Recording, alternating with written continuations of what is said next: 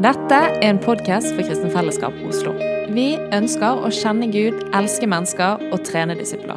Vi håper talen blir til velsignelse for deg. God lytting. Tusen takk. Jeg har alltid lurt på hva som skjedde den der dagen. Når jeg bare ble med hjem til Jesus. Men rett etterpå så bare gikk han ut og så sa han, Andreas til vennene sine det, Han sa da Wow, dere må komme og se. Jeg møtte Messias. Det, kanskje det var måten han drakk kaffe på. Jeg vet ikke. Kanskje det var måten han lo på. Kanskje det var måten han stilte de til veggs. Avslørte synda i livet. Jeg vet ikke. Men de hadde i hvert fall et møte med Jesus. Spennende.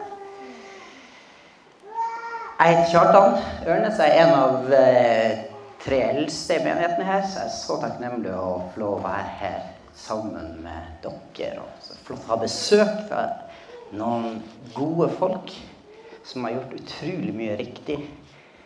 Eh, og som har ropt til Gud, og så ser vi frukten i de flotte folkene som er i dag her og har barnevelsignelse. Og så er vårt ønske og vår drøm og vår lengsel det at Lea skal få lov å vokse opp.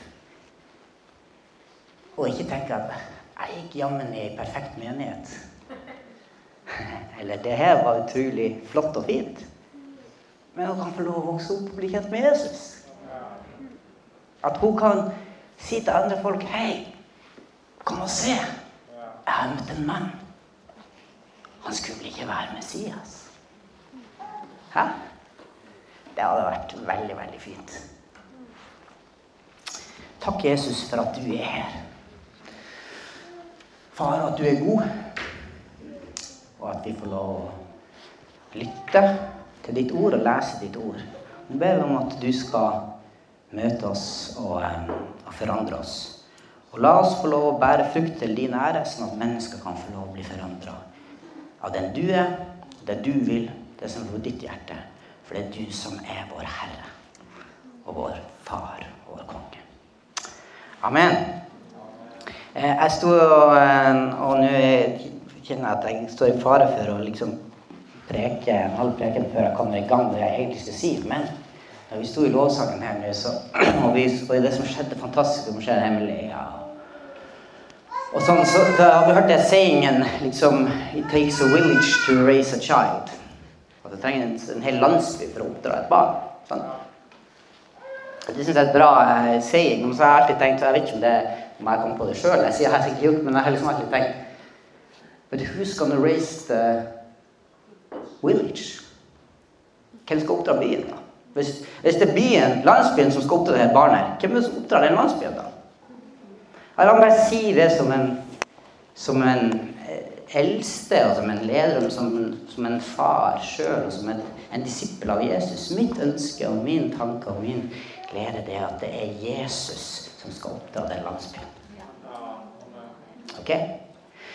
Og det er Guds ord som vi ønsker at skal være våre ledesnor for levd liv og lære. Jeg sier ikke det er lett. Jeg sier ikke det er enkelt å forstå det. Men det er litt sånn som med Jesus. Jesus som vi tror var 100% Gud og 100% menneske. Det er kjempevanskelig å forstå. Men jeg velger å tro at det er sant.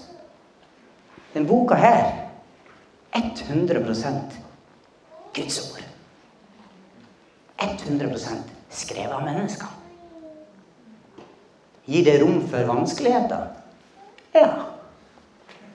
Men vet du hva? I gapet mellom realiteter og fakta og ting som er lett å forstå med intellektet vår, intellektet vår og det der Dette her er sprøtt. Det er der vi kan få oppleve tro. Der kan vi få oppleve tillit. Der kan vi få oppleve fred og hvile og styrke. Ok? Yes. Så det er litt sånn eh, grunnleggende. Denne høsten her så har vi snakka at vi ønsker som menighet og fellesskap å ha fokus på nettopp det å kunne bygge litt sånn solid bygge eh, sterkt og ordentlig og skikkelig. Ok? Og vi er kjent på Vi var sammen her og ba sammen, Reza og Jill og Amund og, jeg, og, og dele det vi opplever at Gud har ledet oss inn og ser Guds ord. Og så kjenner jeg at vi trenger å, å bygge solid. Vi trenger å bygge legge oss gode vaner. Vi som menighet trenger å ha noen sånne disipliner, sånne gode vaner. Du vet at Grunnen til at du er her i dag, det er mer eller mindre gode vaner som gjør at du er her i dag. Men du har i hvert fall en eller annen slags vane om at du kom deg opp og fikk på deg klær, og så kom du deg hit. Og forhåpentligvis så vil den vanen føre til at du også kanskje opplever at til og med Gud snakker til deg i dag. Så en vane fører til en annen vane. Eh, og vi trenger noen sånne åndelige vaner som kan være med å, å hjelpe oss til å eh, få tak i det som, som eh, som Jesus sier. Og jeg har lyst til at Vi skal starte bare med å lese Guds ord. Og så skal vi komme tilbake til det. Det skal bare ligge som en sånn ramme. og så skal vi komme tilbake til det. Så hvis du har med deg en bibel, så kan du få lov å slå opp i Matteus 7, 24-27.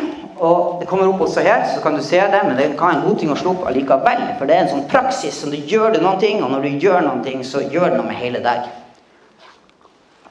Og så skal vi lese dette her slutten på eh, bergpreiken, når Jesus samla de her disiplene, så sier han Vær den som hører mine ord og gjør det de sier, ligner en klok mann som bygde huset sitt på fjell. Regnet styrtet, elvene flommet og vindene blåste og slo mot huset. Men det falt ikke, for det var bygd på fjell. Og hver den som hører mine ord og ikke gjør det de sier, ligner en uforstandig mann som bygde huset sitt på stand. Sand. Stand. Sand. Regnet styrtet, elvene flommet, og vindene blåste mot huset. Og da falt det, og fallet var stort. Vi skal la den Jeg kommer tilbake til den teksten, men jeg har lyst til å starte med, med å fortelle dere at for noen år siden så var jeg på bønn for Oslo. Og da var det en sånn morgenintervju eh, av sånne forskjellige gjester som var der. Er det noen som har hørt om Jens Petter Jørgensen? En, en relativt kjent eh, mann i Kristen-Norge som var med å, å, å starte opp oasebevegelsen. Frikirkemann, tror jeg egentlig han er. Eh, og han hadde en del år intervjua masse prester, pastorer, forkynnere og andre kristne ledere. Og gått i sjelesorg og snakka, hatt samtaler med dem og, gjort en sånn forskning på hvilke utfordringer, hvordan det her livet var for dem. Og han sa at uten tvil, det som alltid kommer høyest opp på det som er den største utfordringa for de som ønsker å følge Jesus, eller jobber med det her, eller har det som del av liv, det var rett og slett det å finne tid til Bibel og bønn. Andaktsliv, om du vil. Det å bruke tid med Jesus, det er vanskelig. Er det noen som kjenner seg igjen i det? Jeg kjenner meg aldri igjen i det. Så var det sånn at på det her intervjuet på morgenen så hadde de besøk av to prester, eller biskop Kvarme var der, for de som kjenner til han. Og så en katolsk prest eller biskop eller et eller annet. Jeg husker ikke hva han var, jeg husker ikke navnet hans. Det er ikke poenget. Men så skulle de gi sin respons til denne her utfordringa, den opplevde utfordringa. Og det, det, Kvarme var veldig ærlig og tydelig med at han sa at ja, dette er vanskelig. Jeg kjenner meg igjen i det. Det er så mange ting som skjer. Og det er så lett å dytte på det her. Så, ja, Vi snakka litt rundt det. Og så var det den katolske presten da som, som sa ja, jeg skjønner, jeg hører hva du sier, men for meg er dette her et litt sånn eh, det er et litt sånn søkt eksempel for meg. sier han. Fordi jeg er forplikta, jeg. Jeg er forplikta til å be sju eller ni ganger om dagen. Faste tidspunkt det er en del av min forpliktelse som katolikk. Og veldig ofte i dette her forplikta møtet, så møter jeg Gud. Fordi jeg åpner Bibelen. Jeg ber i bønn. Og der i det møtepunktet så opplever jeg å treffe Gud. Så dette er ikke den største utfordringa for meg. Å finne tid til akkurat det. Ok? Tankevekkende. For oss frie venner som ikke ber for mat engang. Som vel ikke snakker om at det er påske. Vi lar det forbigå i stillhet. For det er jo noe som vi bare altså, karikerer litt. Tøyser litt. Men du vet at Nå er jeg inne på et litt sånn vanskelig greie. ikke sant? Fordi mens vi snakker om det her, så er det veldig kort vei fra det her med at å ja, gode vaner, det er en god ting. Der kan vi møte Gud. Veldig kort vei til at vi kommer inn i det som vi kaller for lovgjerninga, kanskje. Jeg må bli så flink. Og, og, jeg må gjøre så veldig mye godt. Og du vet, er det noen som har lest Richard Foster 'Veier til glede' eller 'Celebration of Disciplines'? Eller den heter på engelsk? Ja. Han har et sitat, og du kan få det opp på, på veggen. Jeg synes det er godt. Han sier det at i det øyeblikket vi tror at vi kan seire over synd med viljestyrke alene, da er vi i ferd med å begynne å tilbe viljen. Og det er også den andre sida av det her. Et skjæringspunkt her imellom Ja, vi ønsker rutiner, vi ønsker de ordentlige tingene. Vi ønsker kanskje ja, ikke sant, gode vaner. Eh, nå har jeg fått ting. Og så går det ei lita tid. Og så funka det ikke lenger. Nyttårsforsettet funka ikke. Vi ga over. Det var så mange ting som vi dro i gang. Og viljen vår funka. Noen får til veldig veldig, veldig, veldig, en veldig sterk viljestyrke og å ende opp med å gruse alle på 1500 meter i EM og EM og you name it, fordi du heter Jakob Ingebrigtsen og har bare en helt stålvilje. ikke sant? Og i tillegg en pappa og en ramme rundt som legger til rette for det. Men alle er ikke der. Sant? Eh, eh, men hvordan får vi til en god balanse? For jeg tror at vi er inne på noe her. Jeg tror at den katolske presten hadde et poeng. Jeg tror Jesus levde i gode vaner. Jeg tror det fins noen åndelige disipliner som, eh, som apostlene og disiplene og, og, kristne bør leve i. Eh, som er veldig gode. Men samtidig må vi være eh, våken i det. Sant? Vi må være levende til stede i det. Vi må være el og ekte i det. Så jeg tenker at eh, ja, vi trenger å snakke om, om hvordan vi gjør det her. Men jeg tenker vi må ta et skritt tilbake. Også før, for vi, nesten har vi tenkt å prøve oss på dette her. Vi skal snakke og utfordre hverandre litt på sånn der Hvilke vaner har du, da? Kan du få litt bedre vaner her? Og vi som er norske og vi som er veldig individualistiske, hva har du med mine vaner å gjøre? Hold deg til dine egne dårlige vaner. Ikke kom til meg. Jeg er mitt liv, jeg har min familie, jeg har mine ting. Men vi skal touche litt borti det. Men før vi kommer dit, så må vi snakke om hvorfor i all verden skal vi det? Jeg mener, ja, vi kan godt snakke om det, men hvorfor? Hvorfor skal du få en bedre bane på det? Jo, punkt én fordi at hvis vi tror at Gud, Jesus, er her, og han er vår Herre og frelser, så trenger vi å bli kjent med ham. Det er det ene. Vi trenger å bli kjent med ham. Og det andre det er fordi vi lever i en krig.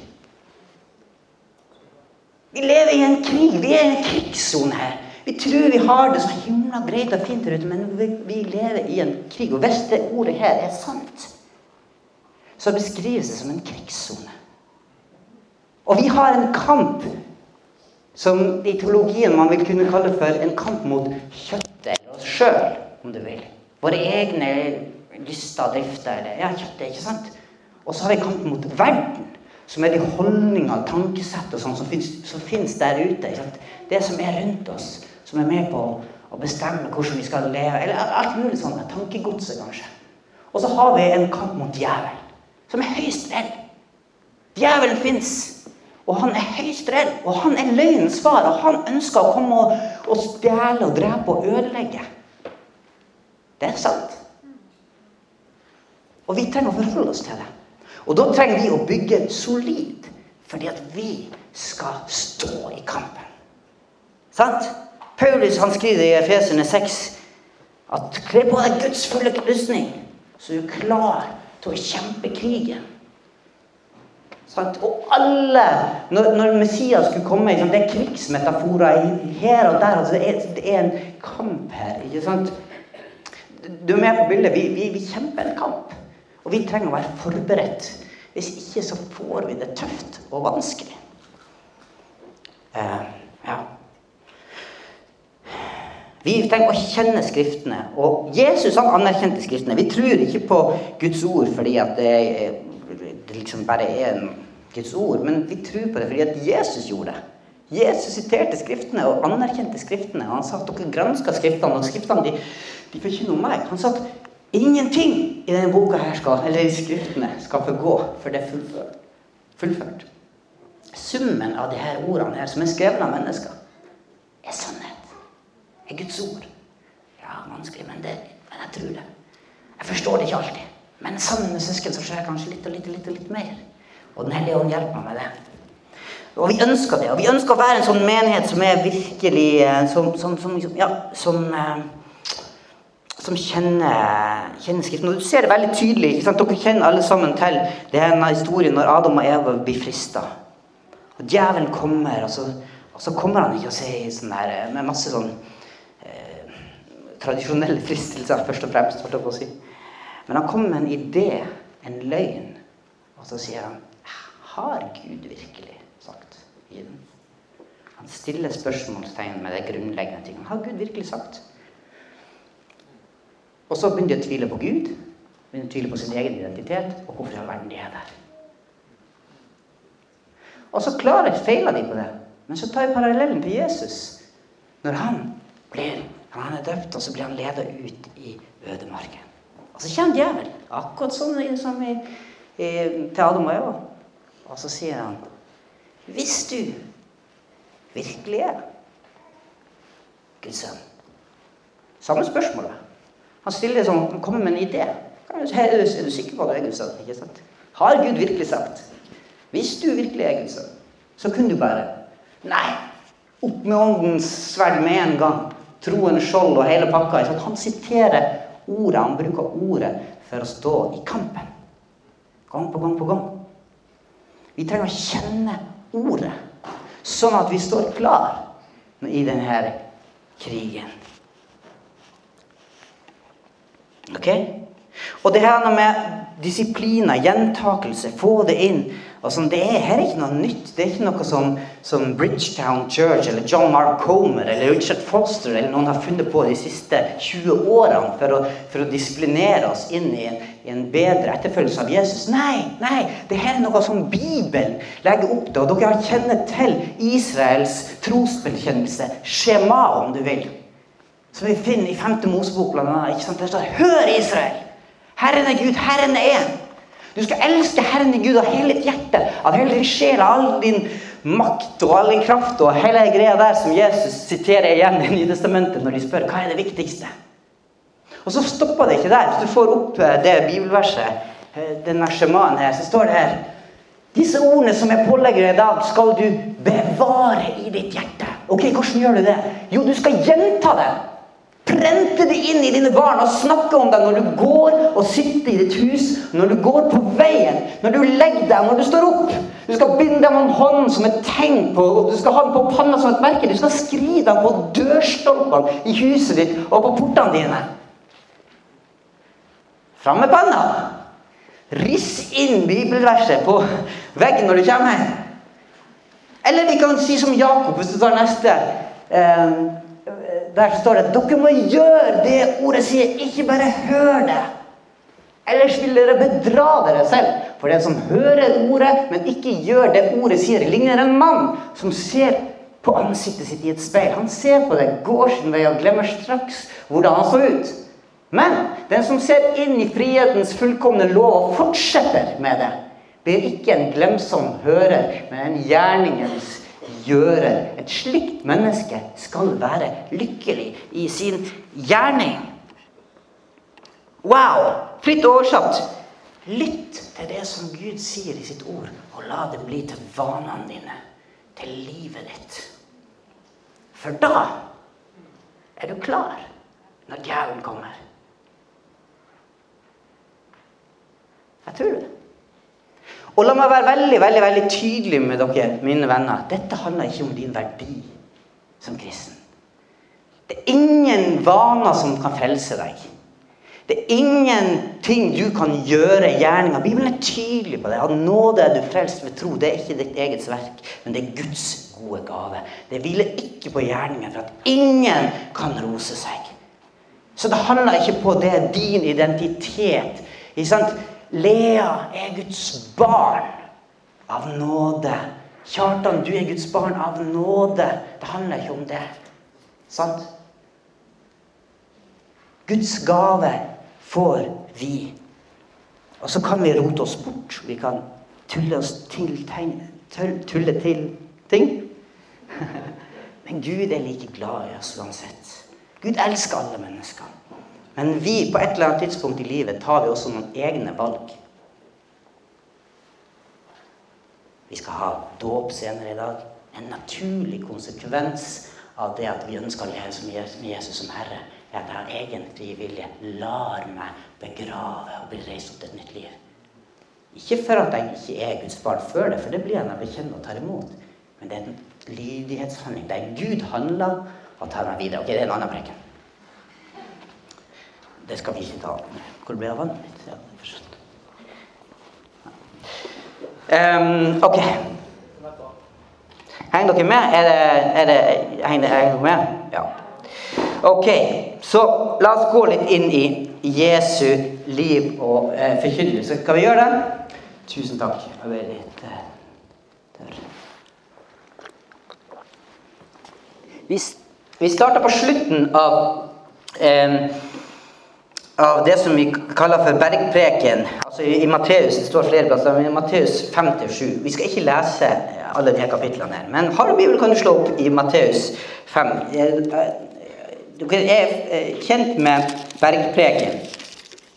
Jesu kanskje mest eh, kjente preken. Kan vi si det, Torfinn? Ja, det, det er innafor å si det. Altså, Han har jo da i kapittel 4 vært blitt frista av djevelen, og, sånt, og det, det, vi sa her i, i, i stad. Og så begynner han sin gjerning og de første disiplene, og sånn, og så kommer han samler en hel gjeng, og så kjører han på. Nå skal jeg virkelig eh, legge lista, tenker Jesus. Så nå begynner han å forkynne.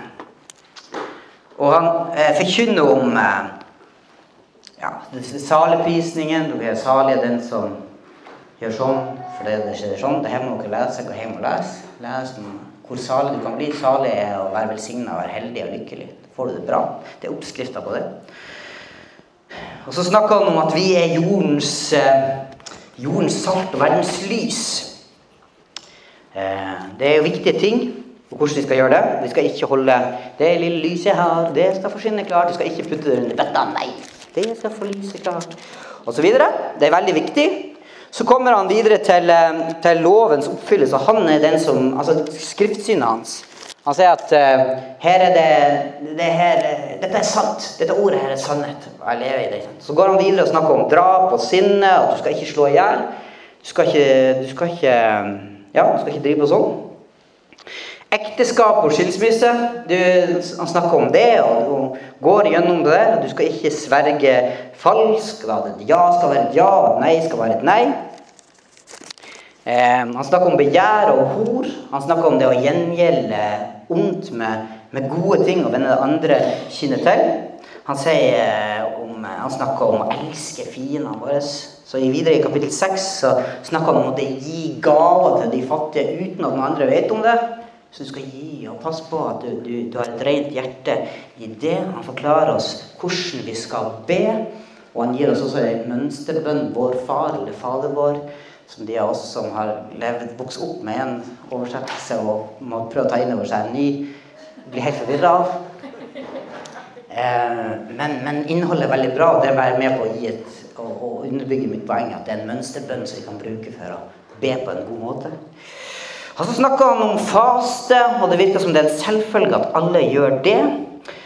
Han utfordrer oss på å ha et udelt hjerte og på å elske, ikke elske penger. Så lader Jesus om, og så fortsetter han med å skyte på alle oss som har bekymringer for mat og drikke og klær og materielle ting. Det skal vi ikke gjøre. drive med. Vi skal ikke være bekymra. Så sier han at vi skal ikke dømme andre, men vi skal ta ut bjelken i vårt eget øye først. Og så oppfordrer han oss til å be med forventning og tillit til en god Gud. Hmm. Stole på at Gud er god. Og så snakker han om at det du vil at andre skal gjøre mot deg, skal du gjøre mot dem. Og så sier han at det er to utveier av livet. Han sier det er et liv. Og så sier han at det er en fortapelse. Det er jo noe å ta med seg. Og så advarer han mot falske profeter og mot falske disipler. Og så må han har gjort alt det her og bare lagt lista bare, Dette er det som er greia. Liksom du har 70 000 bibelkommentarer bare der. Så kommer han til den teksten som vi leste i begynnelsen i dag. Og så sier han Nå kan vi få den opp igjen. Så kan vi lese sammen om det huset som er bygd på fjell. For der står det Vær den som hører disse mine ord. Altså, det han har nå forkynt. Det er på slutten av den preken. Det er et bakteppe her. Det er ikke bare det er den som hører, men han hadde en lang preken om masse utfordrende ting. Pick and choose. Du kan liksom ta altså Det er masse. Men han sier 'vær den som hører'. Det som jeg akkurat nå fortalte om alle de her tingene.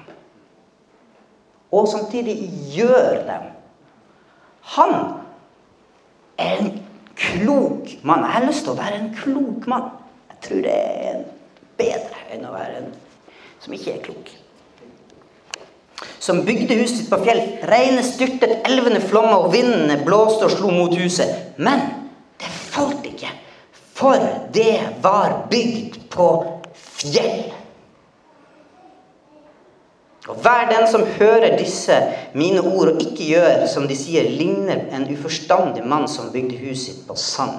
Regnet styrtet, elvene flommet, og vindene blåste mot huset. Da falt det, og fallet var stort. Min påstand De to husene der kunne se kliss like ut. De kunne se kliss like ut. Akkurat like fine. Akkurat like fancy. Nøkkelferdig, om du vil. Direkte fra et eller annet firma. Forskjellen var hva det var bygd på.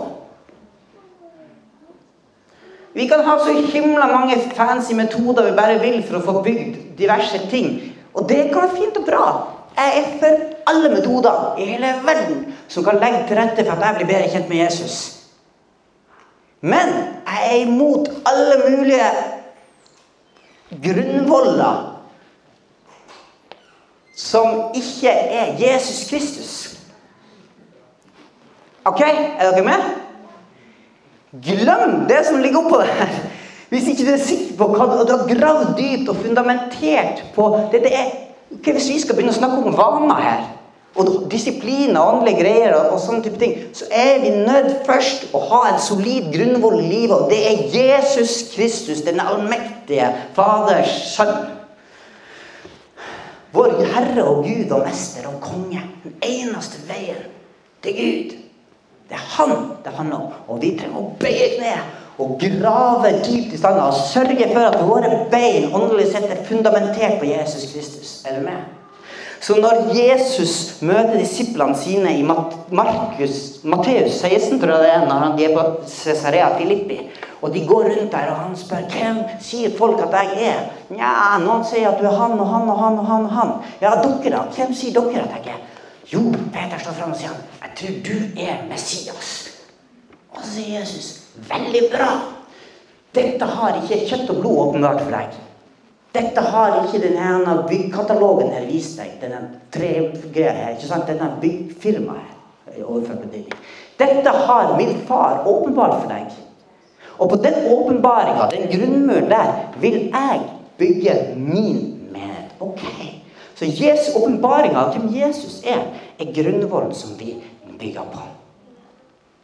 Og hvis ikke Gud bygger huset, så arbeider vi forgjeves. Så da var det også kan jeg bare liksom, være sikker på at du skal ikke ta ansvar engang for det. Du skal gjøre det. Bygge på Jesus Kristus. Og så skal du være bygningsmann på det som Gud bygger. Det er Jesus sin menighet. Vi er Jesu barn. Vi er Jesu disipler. Vi er hans eiendom også, kan jeg si. Familie. Ok. Så før vi kan bygge, må vi finne plassen vi kan bygge på. Amen. Vi kan ikke gå i gang med en byggeprosess før vi vet at vi har en solid fjellgrunn å fundamentere alt på. Så det er åpenbaring av Jesus Kristus som er det Jesus vil bygge sin menighet på. Ikke på en strategi, ikke på en lære, ikke på en metode, ikke på en klesstil, ikke på en musikksjanger. Men det er Jesus Kristus som er den levende Messias. Guds enbårne sønn. Han er den levende, oppstandende Herre og Mester, og han er klippen som vi skal fundamentere alt vi lever og gjør på. Alt annet er sandgrunn. Kan ligne veldig på, på andre ting. Eh, huset, men grunn. Volden er den viktige. Så hvordan skal vi gjøre det her? Det skal vi bruke mye mer tid på. Men jeg skal gå litt inn på. Fordi sammenligninga som Paulus bruker i Galaterne 6, er veldig fin. Da snakker han om åndens frukt og vekst. Det brukes andre plasser også.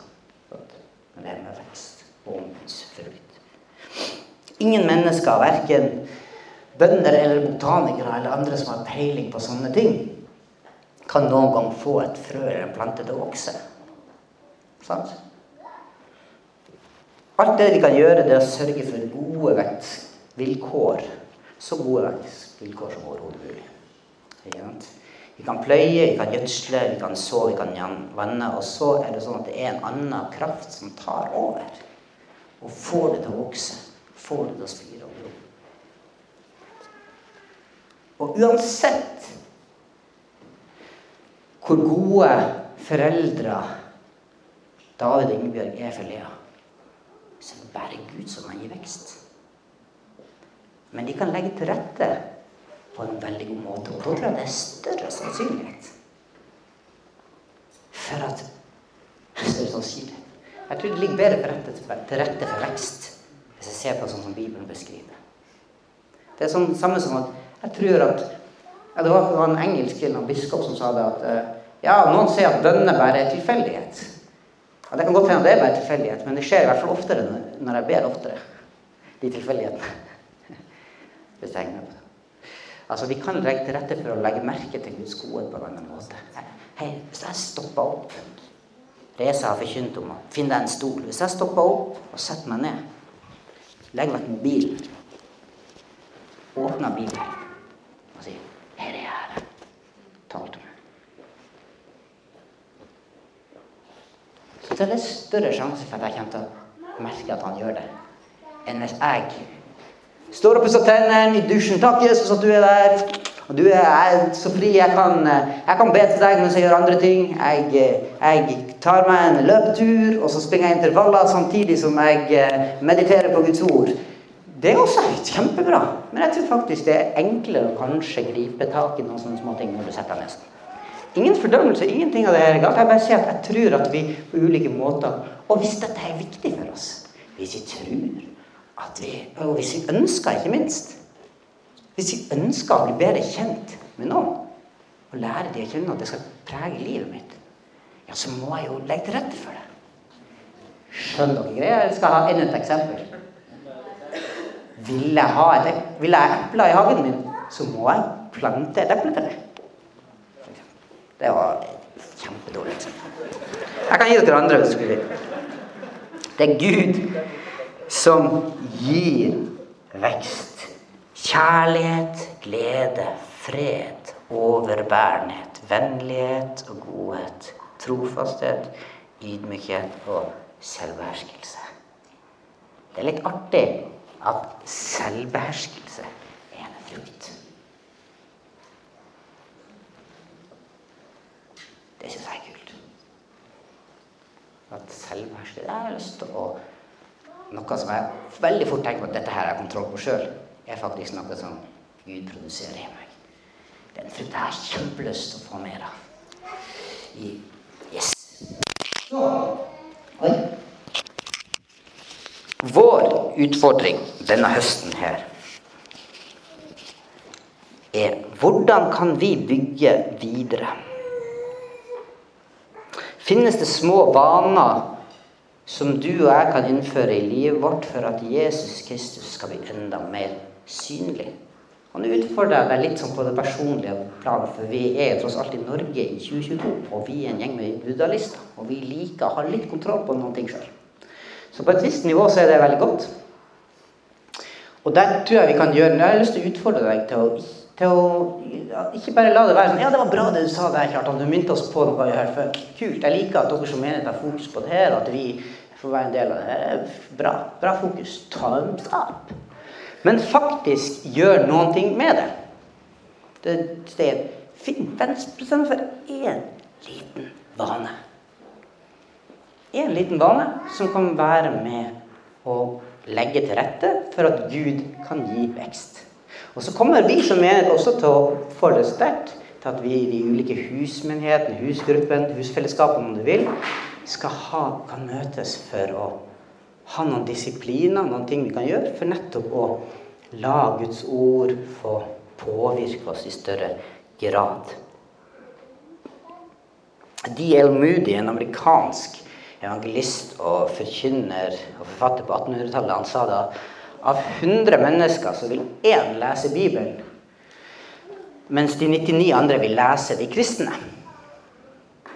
Så Hvis vi går rundt her ute og, og, og, kaller oss for en kristen, så tror jeg veldig mange vil, vil lese Bibelen gjennom våre liv. på en måte. Og Da tenker jeg det er veldig fint hvis vi har lagt til rette for at Guds liv kan få lov å vokse. Jeg tror det, Guds ord er et veldig bra sted å starte. da. Ja, men hva med bønn, og hva med, hva med faste, og hva med uh, Vi må ut på gata, vi har 100 000 ting, andre ting. Ja, ja, ja. Alt det her er helt suverent. Kom igjen, men vi starter et sted. La oss starte et sted, da. Ja, men jeg har gjort det. Jeg har full kontroll på min bibellesing. Veldig, veldig bra. Vær et forbilde. Hjelp de andre.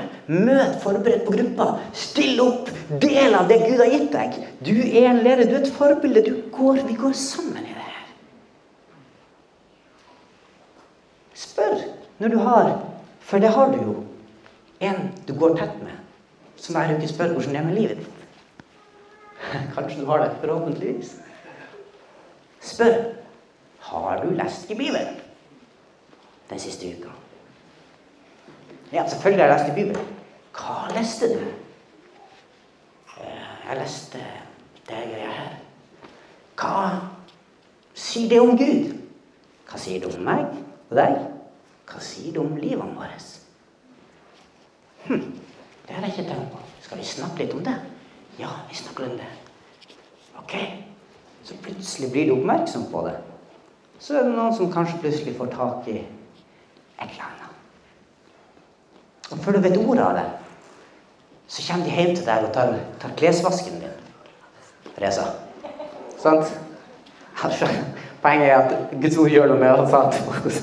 Ja, det var kanskje litt langt å dra den. Eh, nei, men Poenget er at det er bare frukt i livet vårt. Guds ord har konkrete frukter. Er dere med? Yes. Ok. Jeg har prøvd meg på et, et lite avsluttende sitat. Ok? Det, det er sånn det, det, det, er, sånn Vi ønsker at fellesskapet av de troende skal være som små hager der vi i lydighet til Jesus Kristus legger til rette for vekst. Der åndsfrukt kan vokse. Der sunne bibelske vaner kan fungere. Ikke tomme religiøse øvelser, men små livsviktige praksiser der vi i ydmykhet inviterer Den hellige ånd inn for å bygge videre på åpenbaringen om at Jesus Kristus er Messias. Var ikke det fint? Var ikke det litt fint? Henger dere med på det? Det hadde vært fint. Hvis jeg virkelig kan få lov å bli kjent med Jesus. At jeg kan få lov å vokse, der livet kan få lov å vokse litt mellom oss. Og at dette kan føre til at mange mennesker kan få lov å møte, kan få komme inn og oppleve å få tilgivelse, oppleve å få gjenopprettelse, få noen å prate med, få oppleve glede få oppleve å møte Jesus. Kom og se. Så det er starten, bunnlinja. Denne her forkynnelsen er ikke en sånn enkeltstående greie. Men dette er litt starten på noe vi ønsker å jobbe med med denne høsten her, og som skal bli levd liv.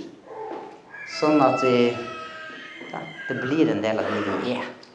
Gode vaner skal vi be til Jesus sammen. Jesus, vi eh, er her fordi at du er den du er, og vi ønsker å ære deg. Og Gode Hellige ber om at vi som enkeltpersoner og fellesskap skal få lov å bygge solid på åpenbaring av hvem du er. Jeg ber om at vi skal få lov å, å, å bygge på åpenbaringa av hvem du er, Jesus. Så ber oss om nåde for oss til å lytte med, med hjertet, og også gjøre det vi hører. Sette i verk det som du taler til oss om, det som ditt ord taler til oss om. Jeg takker deg for eh, din nåde og din ledelse, Jesus. Far, jeg har lyst til å velsigne Lea og familien og festen videre i dag og det liv Gud og oss alle videre i denne dagen her. Herre, la din vilje skje, og la ditt rike komme. Alt til din ære. I Jesu navn. Amen. Takk for at du hørte på denne talen. Vil du vite mer om hvem vi er, kan du gå inn på kfoslo.no, eller følge oss på Instagram og Facebook. Vi høres!